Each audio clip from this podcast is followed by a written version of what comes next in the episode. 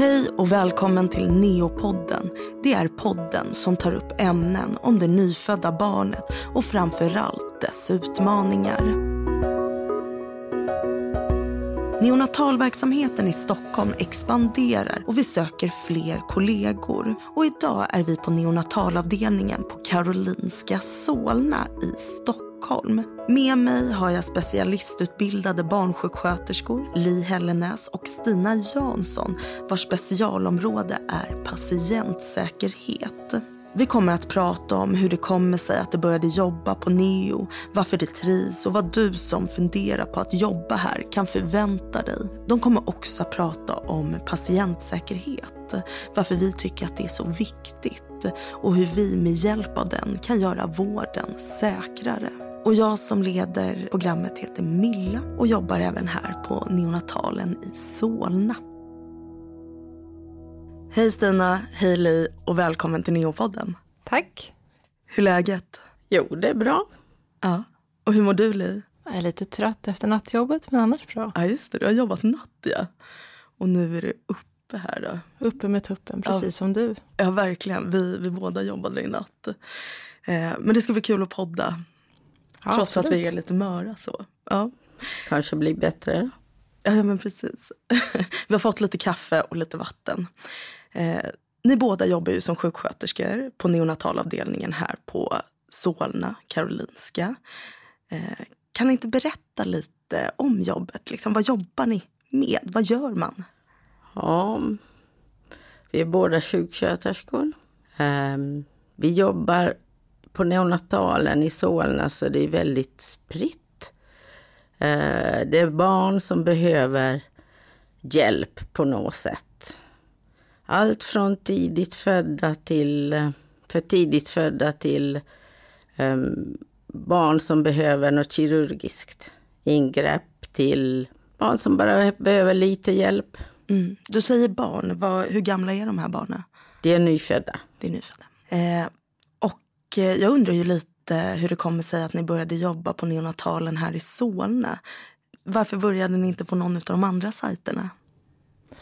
Alltså, jag halkade in på ett bananskal kan man säga. Jag skulle till, eh, eh, till Norge och jobba egentligen med så bemanningsföretag när man var yngre. Och blev placerad på en neonatalavdelning i, i Norge. Och så tänkte jag, oj, jag har ingen aning om vad det är för någonting. Det här måste jag ju kolla upp först. Eh, och då ringde jag till min gamla chef, som då var chef på neonatalen här i Solna. Eh, och då sa hon att du kan komma hit och hospitera och se vad det är. Och så gjorde jag det, några pass. Eh, och fastnade helt. Så efter att jag hade varit i Norge så kom jag tillbaka till Solna då, och började. Hur länge sedan är det? Det är 12 år sedan. Mm. Mm. Och hur kommer det sig att du började här, Stina? Det var också en tillfällighet.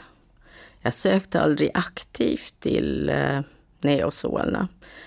Eh, jag hade gått vidareutbildning och på barn, eh, barn och ungdom och då efter det så fastnade jag för just neovården under denna utbildning. Jag tyckte det kändes mest tilltalande. Eh, och då sökte jag på först till Södersjukhuset, men jag fick inget svar där. Därifrån, det var på sommaren.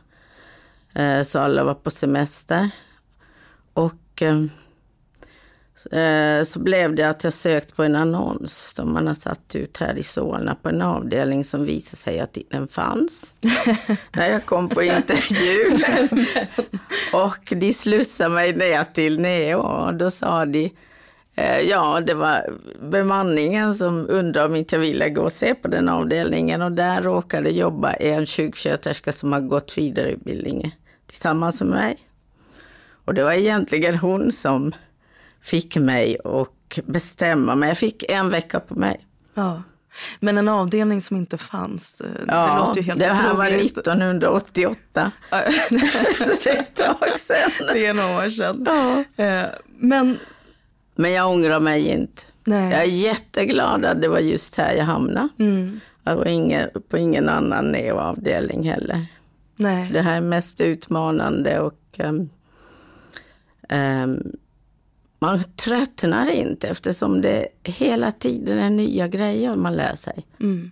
Det kan vara vad som helst. Liksom. Så vad är utmaningen? Är det just det här att det är ett, eh, en spridd, liksom olika barn med väldigt olika tillstånd och diagnoser? Eller vad Ja, som... överhuvudtaget. Eller att vården går framåt också.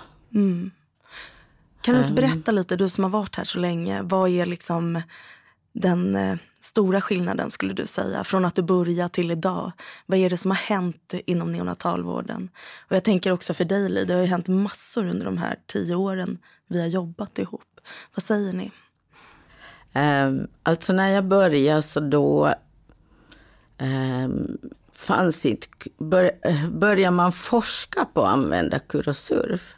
Ja just det, då får du nog förklara. Surfaktant. Ja. Surfaktant är ett ämne som eh, finns i lungorna och som håller ut lungblåsorna men som man saknar när man är för tidigt född.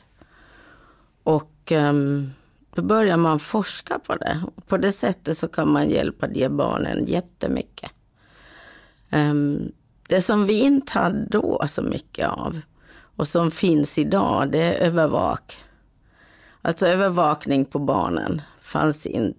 Vi fann, det fanns en enda mätare som man kunde mäta syresättning med. Mm. Vad är det för typ av övervak tänker du? Är det... Jag tänker, ja, blodtrycksmätning var det dåligt med. Det var, och just syresättning. Så den mätaren gick då runt i hela avdelningen och det var en ganska stor avdelning på den tiden. Vilket gör att man såg bara korta snuttar av hur barnen var syresatta. Mm. Korta, alltså det kan ju vara en kvart. Ja. Så det var en mätare som, som Gick, runt på hela, avdelningen. Så då fick man som personal lära sig att se på barnen. Om Mm. de var väl syresatta eller dåligt syresatta. Till Och det- skillnad ifrån idag, tänker jag tänker just med saturationsmätare. Ja, exakt. För nu har vi ju- mycket mera hjälpmedel. Så vi kan se mycket noggrannare. Och inte Ja, idag så delar ju inte barnen heller på en... mätare. Nej, Nej, alla har hela tiden övervak. Mm. Det är väl det. Sen näringsmässigt så har det blivit mycket bättre. Idag får man mat som är berikad och individuellt berikad. När man börjar med det någonstans mitten av min bana så då eh, berikar man likadant till alla barn. Och det var ju inte förstås helt bra. För en del, en del bröstmjölk är rikare på vissa saker och en del på andra. Så det blev ju lite problem, eller ofta problem för barnen när de fick sina berikningar. Mm. Har du något, vad har hänt under de här tio åren som vi har jobbat? Vi började ju samtidigt nästan. Ja, Eller hur? ja det gjorde Ja, vi faktiskt.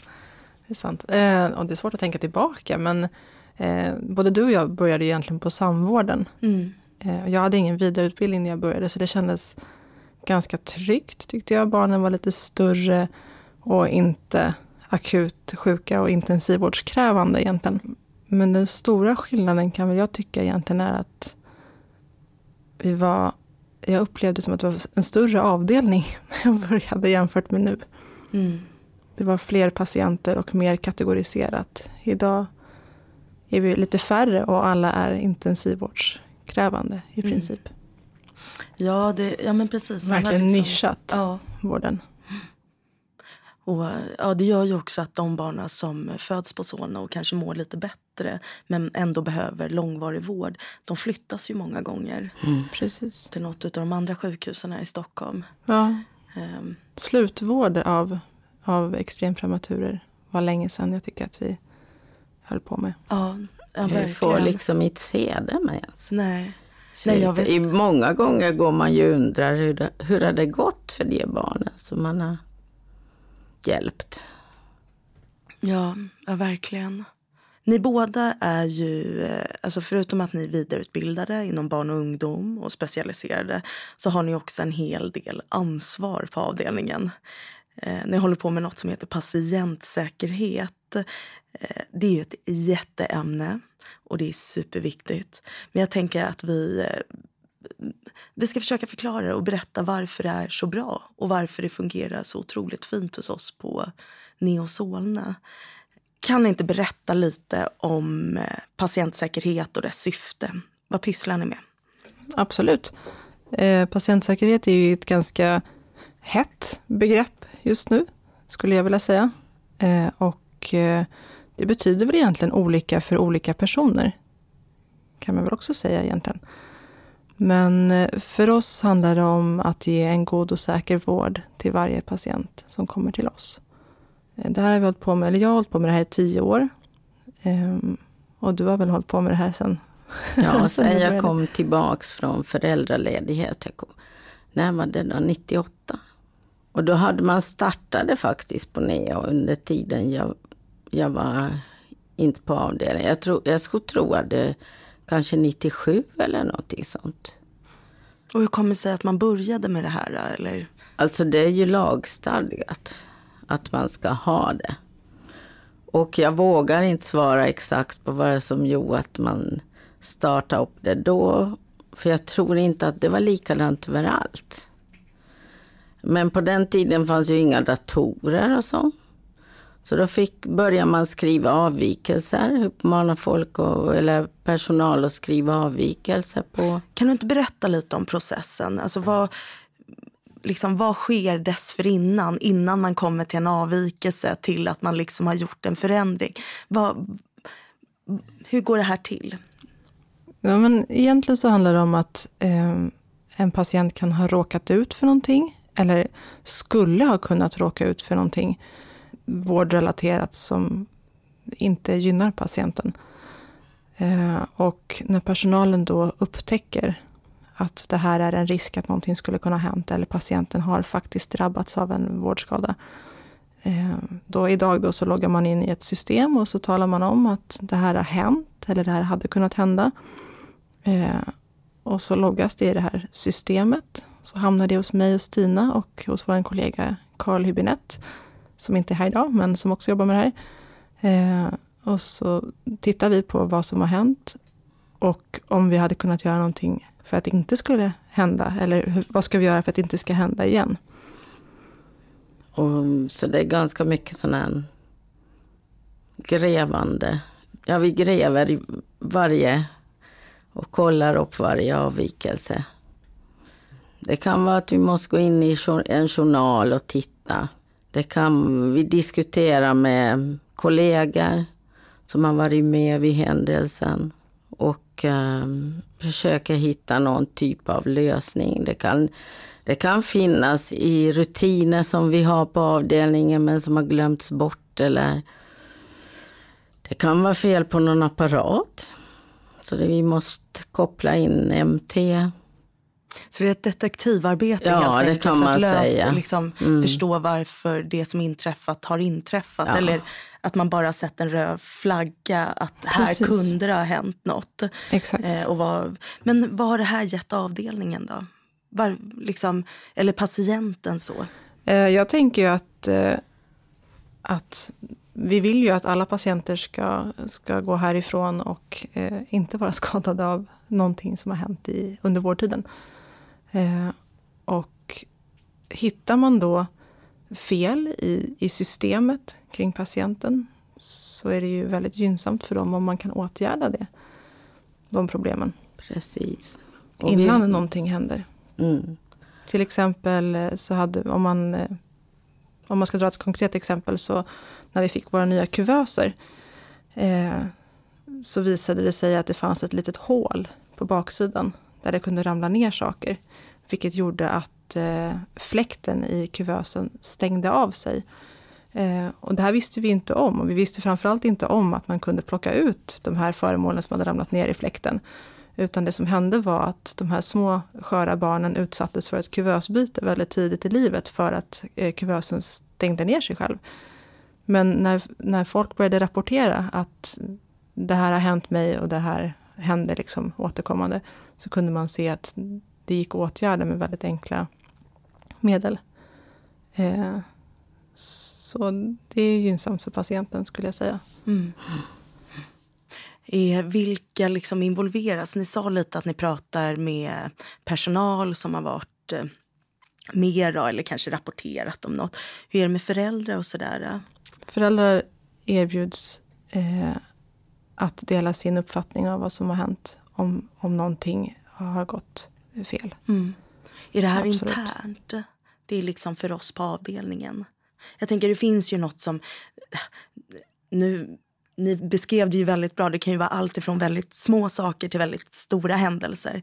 Eh, men sen finns ju sånt här lex Maria och så. Det är inget sånt. Det är inget som tas upp på en, hö, liksom en Det beror på vad det är för typ av, av händelse.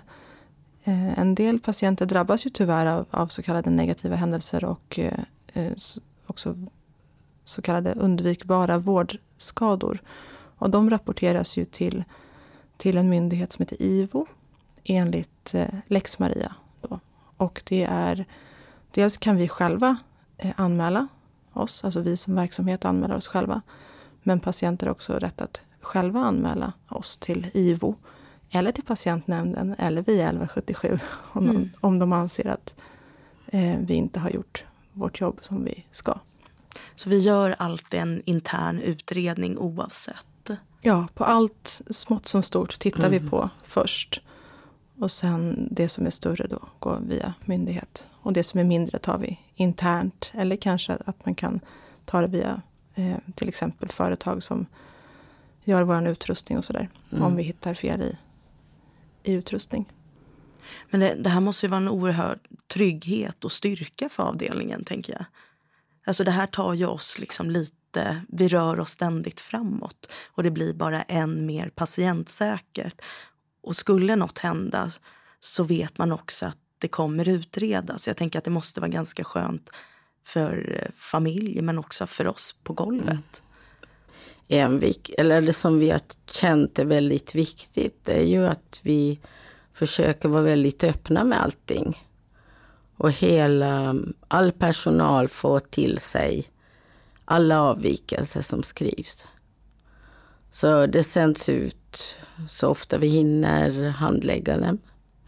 Gör, vi gör upp listor varje månad som går ut och det är avvikelserna då tillsammans med vad, åtgärderna som har gjorts.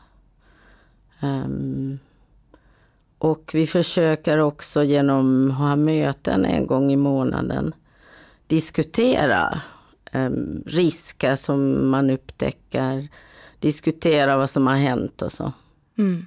Så det är en ganska öppen kultur på avdelningen. Just när det gäller det så tycker jag nog att vi kan säga det. Vi försöker, man får hela tiden em, jobba för att det ska hållas som en öppen kultur.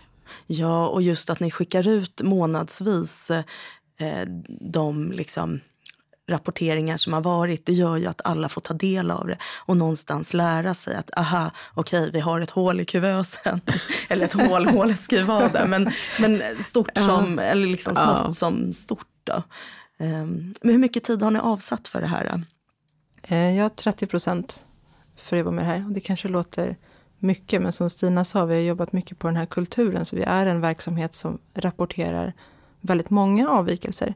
Eh, det kan ju låta lite, lite hemskt att man tycker att det är bra kanske, men, men jag tror att, eh, att genom att man har den typen av kultur, att folk vågar, eh, så, så kan man komma åt både stora och små problem. Och folk är inte rädda för att säga att hej, vi har ett problem.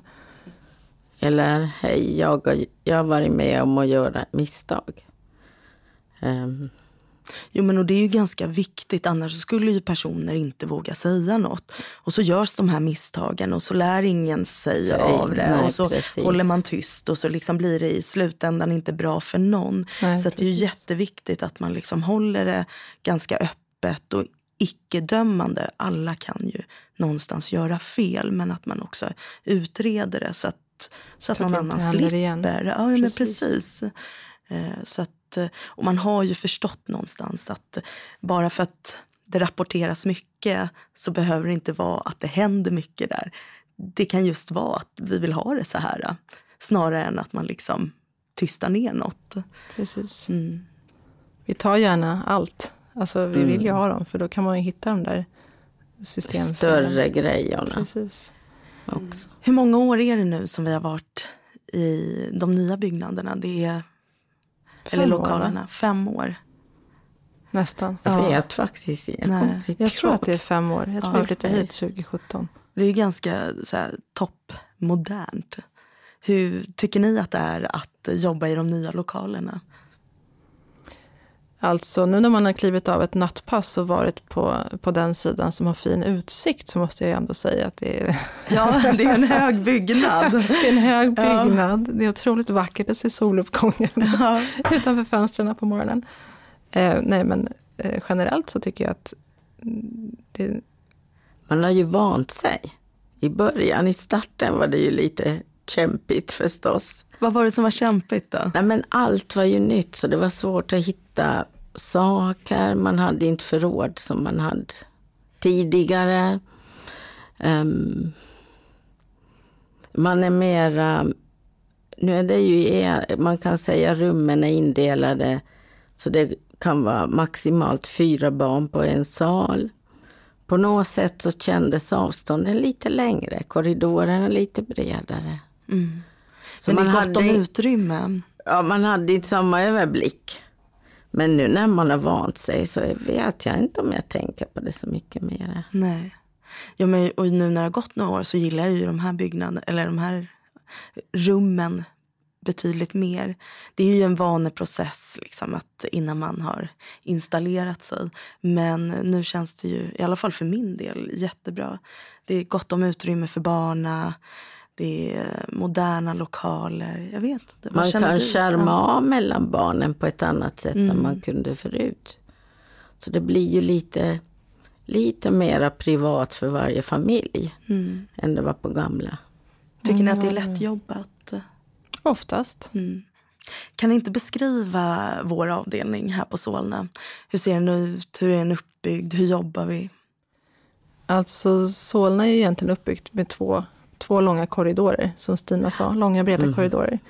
Och sen på mitten av avdelningen så är det en, eh, en glasdörr egentligen, som skärmar av intensivvården från eh, familjevården och mottagning och hemsjukvård.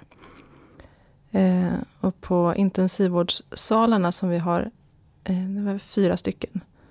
Fyra intensivvårdssalar med plats för fyra barn per sal. Eh, så jobbar man ju i, i team. Hur ser teamet ut?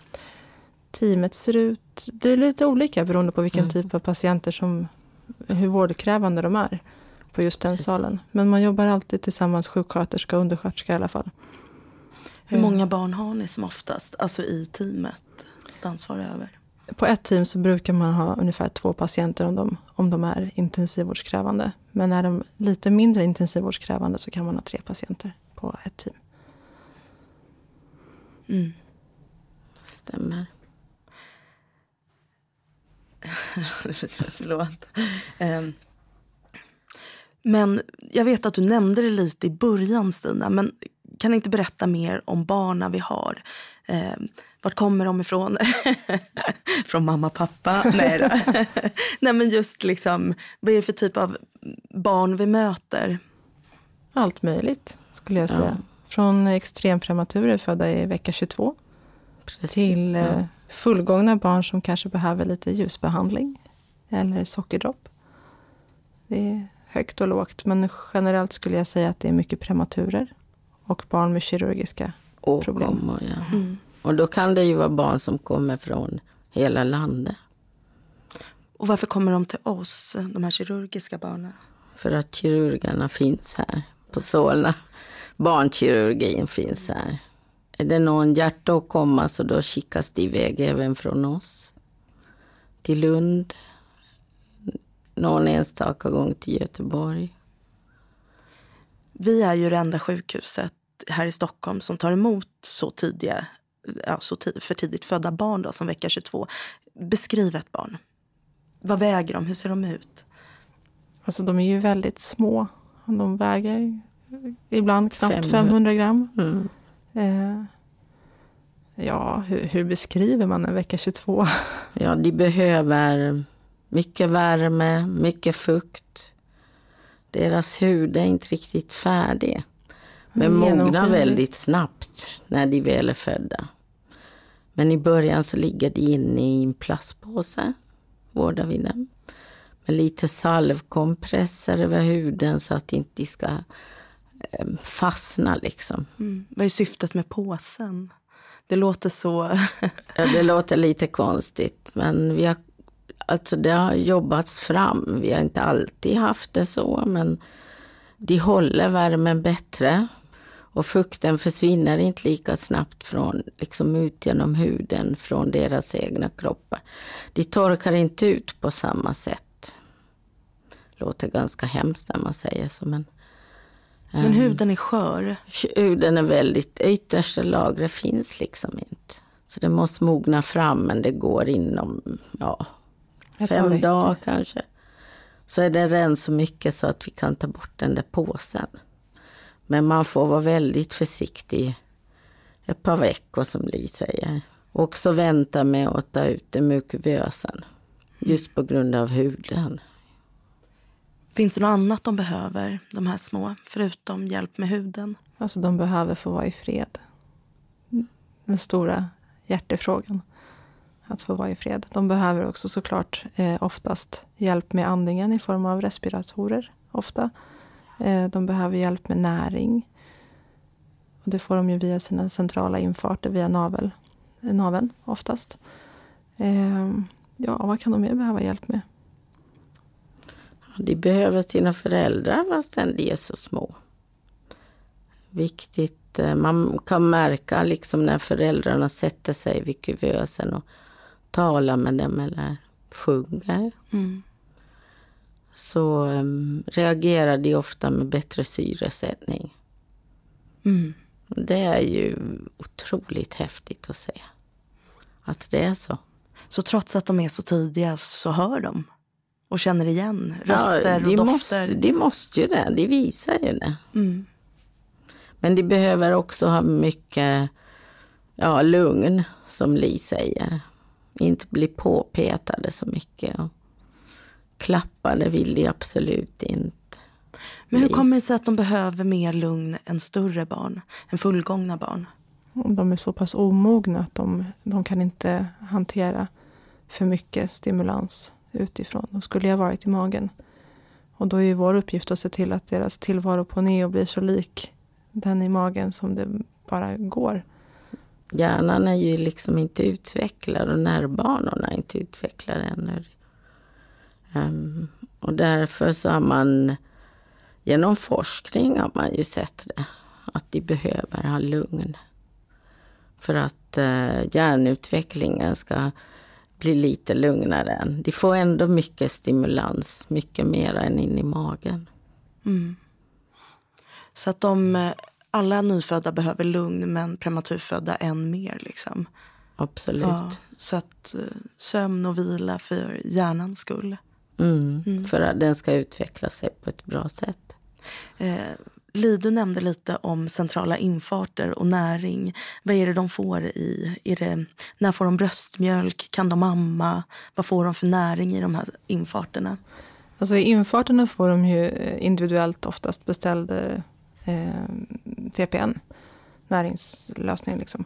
Eh, och amma kan de ju inte göra förrän de är betydligt större Alltså över vecka 34 eller något sånt där. Eh, så de här barnen har ju en väldigt lång väg av eh, eh TPN, då, näringslösning via infarter. Och såklart så får de ju också eh, mjölk via, eller bröstmjölk via sin sond som de har i näsan. Eller munnen. Eh, eller munnen, mm. precis. Men det är ju också en lång process att börja ge de här små, små omogna barnen bröstmjölk. Det är ingenting man kan göra. Man kan inte ge dem full, full näring den vägen från början. Utan man trappar upp det successivt i takt med att barnet mognar och växer och klarar av, visar att det klarar av att ta emot maten. Däremot är det jätteviktigt att ge små droppar i, i munnen så att det triggar igång immunförsvaret. Mm. Har man fått fram. Och då sätter man en liten droppe i, in i kinden. Uh, så ofta det går. Ofta blir det ju vid måltid men visa barnen att de vill, de kan suga på nappen fastän de är så små. Mm. Vi har såna pytte, pyttesmå nappar som trösnappar som de brukar suga på. Eller suga på tummen. Eller... Men om, om nu sonden finns där, varför kan man inte bara ge all näring via sonden? Varför måste man ge i droppform? Jag förstår att de inte kan eh, suga, svälja, amma. Det är svårt för tarmarna är ju också omogna. Så det är svårt för tarmen att ta upp all näring. Um, och därför så måste man ta det långsamt. Trappa upp det långsamt. Hur ser samarbetet ut med förlossningen? För det är ju där, därifrån vi får våra patienter. Så har de det lite körigt, då kanske vi också har det lite körigt. Eller hur funkar det? Det stämmer. Jag tycker vi har ett gott samarbete med förlossningen. Mm. Vi får ju reda på innan. Ofta så går vi ner innan och talar med de föräldrar som um, kan, där man kan tänka sig att det blir en prematur förlossning. Läkare, barnläkaren går ner och ibland också sjuksköterskan med och berättar vad som kommer att hända och så. Och så får de något ansikte, föräldrarna. Lite förinformation kan man säga. Sen kan man ju aldrig ge garantier för någonting men um, många gånger så går det ju ändå bra. Mm. Så som oftast är vi lite förberedda i alla fall. Ja, absolut. Ja. Mm. Vi vet ofta, ofta om att någonting är på gång. Mm. Går vi ner eller kommer de upp med barnet? Vi, vi är ofta med på, eller vi är med på förlossningen. Så om barnet föds, eh, vad ska man säga, den normala vägen. Vaginalt. Vaginalt, tack Milla barnmorska. Eh, så står ju vi inne på förlossningsrummet med all vår utrustning. Eh, och ibland så kommer barnen via kejsarsnitt och då står vi i ett litet rum utanför eh, operationssalen med vår utrustning, mm. vårt team. Så vilken kompetens finns det på avdelningen? Det känns ju som att man ska kunna väldigt mycket. Mm. Mm. Ibland känner vi också så. man lär ju sig. I och för sig måste man inte kunna allt med detsamma. Men vilka jobbar på Neo i Solna? vi har ju våra neonatologer såklart. Och eh, blivande neonatologer. Just på Solna så eh, har vi inga läkare som randar sig i, i pediatrik tror jag. Om jag förstått det rätt. Utan man ska vara liksom på väg att bli specialistläkare av något slag. Eh, och sen är det vi specialistsjuksköterskor inom barn och ungdom, inom intensivvård, barnmorskor, en och annan anestesisyrra har väl passerat genom åren. Eh, så har vi våra undersköterskor, barnsköterskor. Måste man vara vidareutbildad? Mm, Nej. Det, alltså det är svårt att få vidareutbildad personal. Många vidareutbildar sig ju under tiden de jobbar vid oss. Mm. Kan man säga. Men jag skulle nog säga att det är ett, ett ställe som kan vara svårt att börja på som nyutbildad eh, personal. Sjuksköterska eller undersköterska. Just för att det är så mycket att hålla reda på. Så det, jag tror att det kan kännas bra om man har jobbat någonstans innan, på, inom sjukvården innan man kommer till oss. Mm. Ja, för det är ju ändå intensivvård. Det är liksom, förutom barnet så är det ju mycket apparatur och även en del läkemedel. Absolut. Ehm, men hur tycker ni tempot är och arbetsklimatet eh, på vår avdelning? Eh, tempot är ofta högt. Mm. Eh, det, det, kan variera. Det absolut. kan vara lugna, lugna perioder men de är oftast inte så långa. Nej. Eh, ofta ett högt arbetstempo. Eh, det kan ju hända mycket under ett arbetspass och det blir sällan som man har tänkt sig. Få vara beredd på att kunna ställa om snabbt. Och hur är arbetsklimatet kollegor emellan? Om, för det är ju ändå så, vi anställer ju helt nyexade. Får de den hjälp och det stöd de behöver? Jag Man hoppas det. Hoppas, jag hoppas det också. Vi försöker ju, vi som har jobbat längre, och, och liksom bjuda in dem till att ta hjälp. Det är ju jätteviktigt att man vågar det och att man inte tror att man ska behöva klara sig själv, för det gör man inte. Ingen gör det. Det vet ju All- du Milla, du har varit hela natten in hos mig och hjälpt mig. Ja, Trots att vi båda har jobbat ja, länge. precis. Du har stått vid min sida och hjälpt mig. Ja, alltså det, på så sätt är ju väldigt, vi, vi hjälps ju verkligen åt. Och där vill jag också säga till dem som kommer helt nya att eh, eh, våga, våga luta er lite mot oss som har jobbat ett tag. Be om hjälp, för det gör vi alltid. Som sagt, i natt så var det mycket på din sal där du jobbar i LI. Ja, men då får jag kliva in där och så jobbar vi ihop. Och nästa gång är det mycket på min sal och då får någon annan komma in. Och så Precis. är det. Och jag tänker också på det här som du pratade om Li, lite hur eh, vårdsalarna, eller kanske du också Stina nämnde, hur, hur det ser ut på avdelningen. Då är det ju fyra barn. Men som team har man ju två. Vilket gör att på en sal så är man två team. Så det är ju också lätt att bara, är det mycket med två utav barnen eller liksom på ena sidan av salen, ja men då är det lätt för de andra att bara vända sig om och hjälpa till. Så att eh, det är väldigt sällan man som ny står liksom solo med bara sin Nej. uska.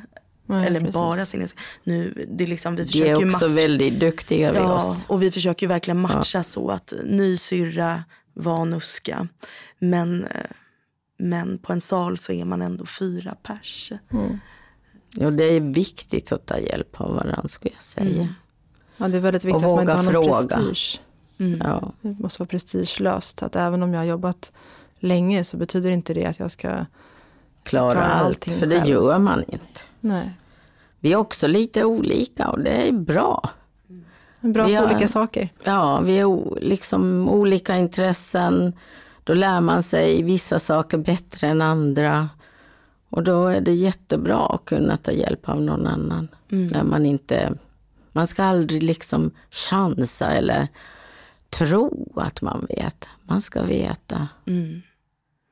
Ja, och jag känner också så här, ju längre man har jobbat desto mer fattar man att så här, fasen vad skönt att bara kunna lämpa över någonting till någon annan. Ja. Alltså det, är- och, och som du säger Li, utan prestige. Det handlar inte om det. Det handlar om att det ska bli så bra som möjligt för barnet och vi ska hinna Exakt. med. Så kan någon bara liksom lösa en del av allt det här så är jag superglad för då kan jag fokusera på något annat. Ja, absolut. Och det, det som också är skönt det är att jag som ansvarar för barnet kan ju också lite välja. Så, så att nu fokuserar jag på det här för att jag känner att det är där jag behöver lägga fokus. Men så finns det något som jag bara kan ge Till någon annan. till någon annan. Sen tycker jag det som är också roligt att vi är från så många olika länder. Ja, vad roligt. Det tycker jag är häftigt Ja, det är också, faktiskt. ja. Och det, Och ibland så kan man använda sig av varandra språkligt. ja. Det är ju lite, det är ju liksom Stockholm, det är en storstad. Eh, det är många olika nationaliteter och, och så. Ja. Och jag kan ju bara säga som nu, de här nätterna, ja men då har man haft en familj som är eh, rysktalande. Då. Ja men så har vi två kollegor som kan ryska och vips så blev allt mycket lättare. För där stod jag och tänkte så här, fasen hur ska jag liksom Förklara. Ja men precis, och man jobbar natt, det är svårt att få in en tolk. Eh, och ofta så går det liksom med att bara le lite, klappa lite, ge tummen upp och liksom så här, jag löser det här, bara häng kvar.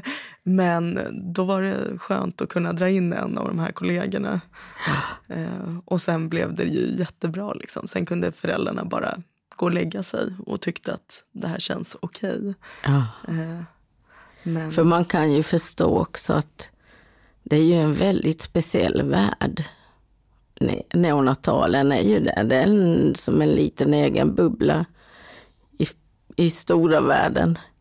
Och em, för föräldrarna måste ju vara dubbelt upp innan de har också lärt sig vad saker och ting be- betyder.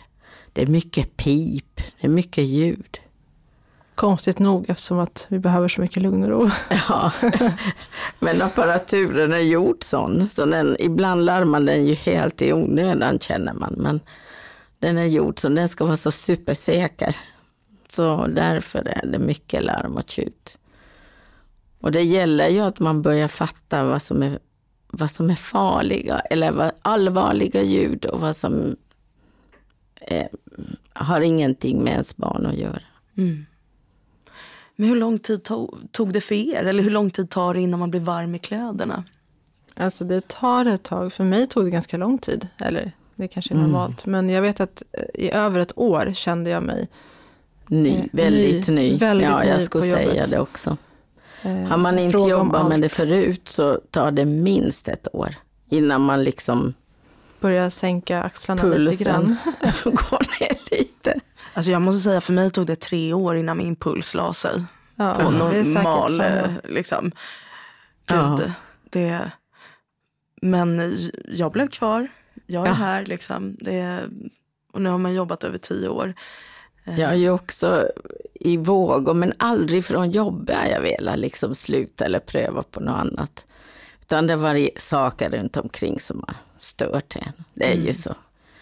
Men jag är ändå kvar från 88 tills nu, så det, det låter Ja, lite alltså, hemskt. Nej, våra kollegor var inte, några av våra kollegor var inte ens födda 88. Nej, Stina, det är, jag vet. är, Ja, men jag har aldrig, aldrig kommit på någonting som skulle vara lika roligt. Det har alltid landat i det. Varenda gång jag har tänkt okej, okay, ska, nu vill jag sluta. Så har jag liksom börjat fundera. Jag har aldrig kommit på någonting som är lika roligt som det här. Och jag tror att det har att göra med att det hela tiden händer något nytt. Liksom vården går framåt. Um, ja, jag skulle säga det är ju ganska mycket olikt när jag började och nu. Faktiskt. Föräldrarna också, när man tänker på dem, eh, är ju mycket mera med i vården än de var på 80-talet.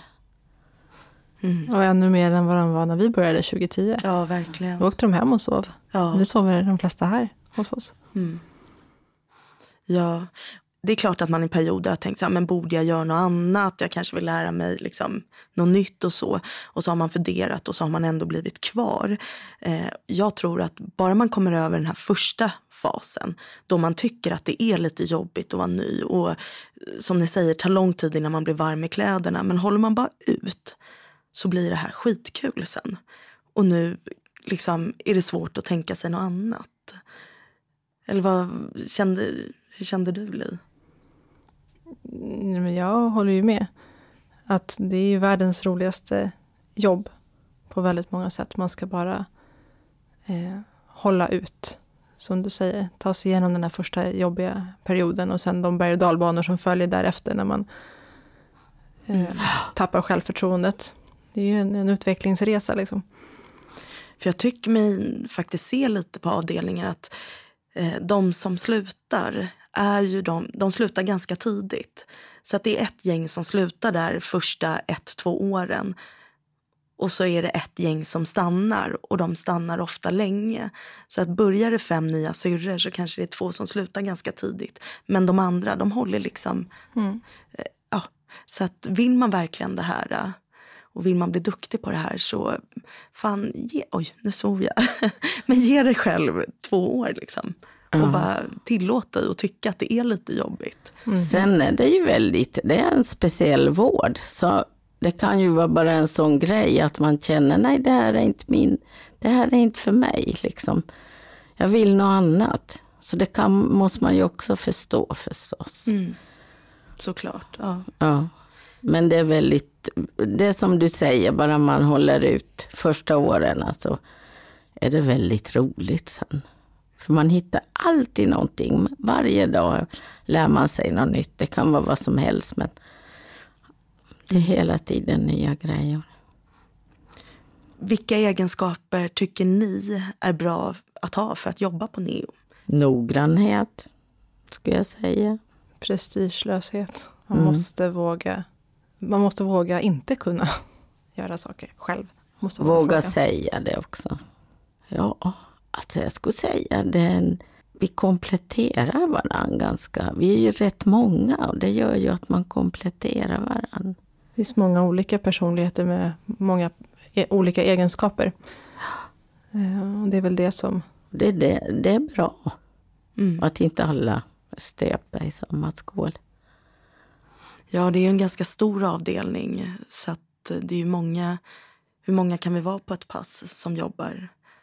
10, 15? Jag vet inte. Ja, någonstans där. Så att man är ju aldrig själv. Nej. Och man kan få vara lite sin egen. Absolut. Ja. Men att man, alltså, många är ju väldigt ambitiösa. Och um, vi har ju många olika, nu håller vi på med patientsäkerhet, men det finns så mycket annat som man också jobbar extra med. Um, nutrition och då mycket fokus på amning och näring till barnens smärta. Att inte barnen ska ha smärta, vad vi ska tänka på där. Det är en grupp som jobbar med det. Um, det är ändå en intensivvårdsavdelning så det finns mycket mm, bakterier och liknande. Så hygien har man en grupp för. Etik. Man ställs ju för mycket olika svåra frågor vid oss. Så det finns en etikgrupp. Så det finns alltså, jag vet inte om jag har glömt någon. Man kan engagera sig i väldigt mycket olika saker. Ja, jag tänkte precis säga det. Och vilka kar karriärsmöjligheter finns det hos oss? Jag tänker om man börjar som eh, nyexad syrra, vilka vägar kan man ta? Man kan säkert gå flera olika vägar, men för mig till exempel, så jag kom ju som, inte nyexad, jag hade jobbat ett tag, men jag hade ingen vidareutbildning. Och sen så vidareutbildade jag mig inom barn och ungdom. Eh, och när man har en vidareutbildning och har jobbat några år så kan man få tjänster på en så kall, enligt en så kallad stegmodell. Jag tror att första liksom, specialiststeget är väl den här steg fem egentligen. Där man har ett ansvarsområde och för mig var det då patientsäkerhet.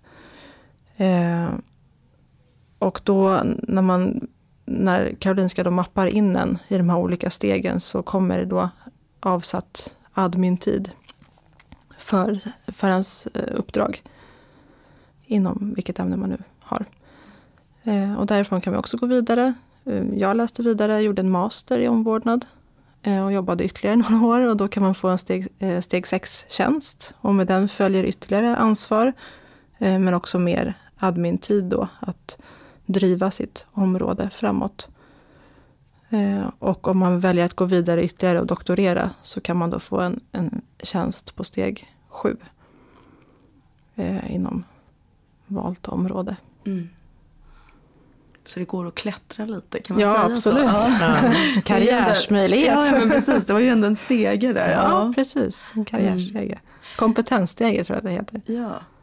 Men då finns det väldigt mycket man kan göra. Så är man intresserad av etikbiten så kan man få syssla med det.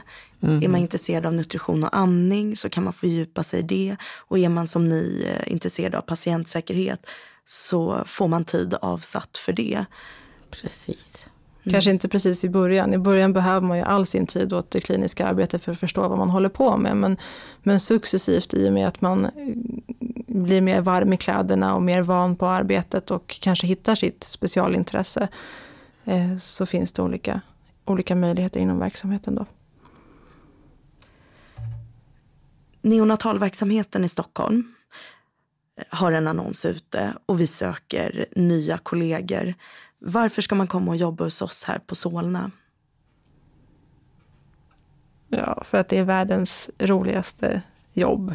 Mm. Tror jag. Det är otroligt varierat. Eh, högt arbetstempo. Mycket det, av allt. Det som jag vet genom åren att är viktigt kanske att veta om innan man börjar att det är sjuka barn. Delvis svårt sjuka barn som vi hjälper hos oss. Och är man inte beredd på det, så då kan det ju vara lite problematiskt. Eller man, man vill inte vara kvar helt enkelt. Så det kan vara bra att veta. Men det är ett jätteroligt jobb. Och det innefattar ju hela familjen som man hjälper. Det är inte bara barnen utan lika mycket föräldrar och ibland syskon och så som man behöver vara med och hjälpa och stötta. För det är ju en, ändå en av de viktigaste grejerna, skulle jag säga. Um, efter det akuta så ska ju föräldrarna klara av att ta hand om sina barn och känna att det verkligen är deras barn. Och det behöver man också jobba med från start För eftersom det är så mycket teknik runt barnen så kan det vara svårt för föräldrarna att känna att det verkligen är deras barn. Utan det blir lite vårdens barn. Då är det vår uppgift att hjälpa dem med den känslan.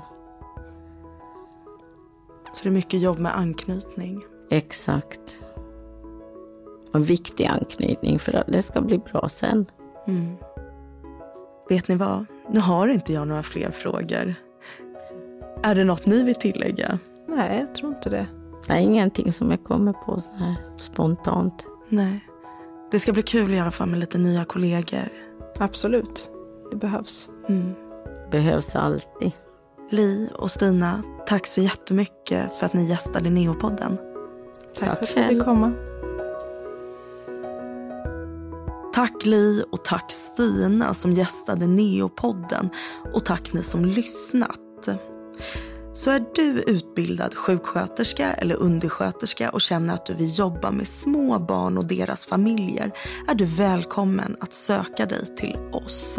Vill du veta mer om neonatalvård så följ oss gärna på våra sociala medier. Tack! Du har lyssnat på Neopodden, en podcast som produceras av Karolinska Universitetssjukhuset. Följ gärna vårt Instagramkonto neokarolinska. Lär dig mer om neonatalvård på karolinska.se eller ladda ner vår mobila från App Store eller Google Play.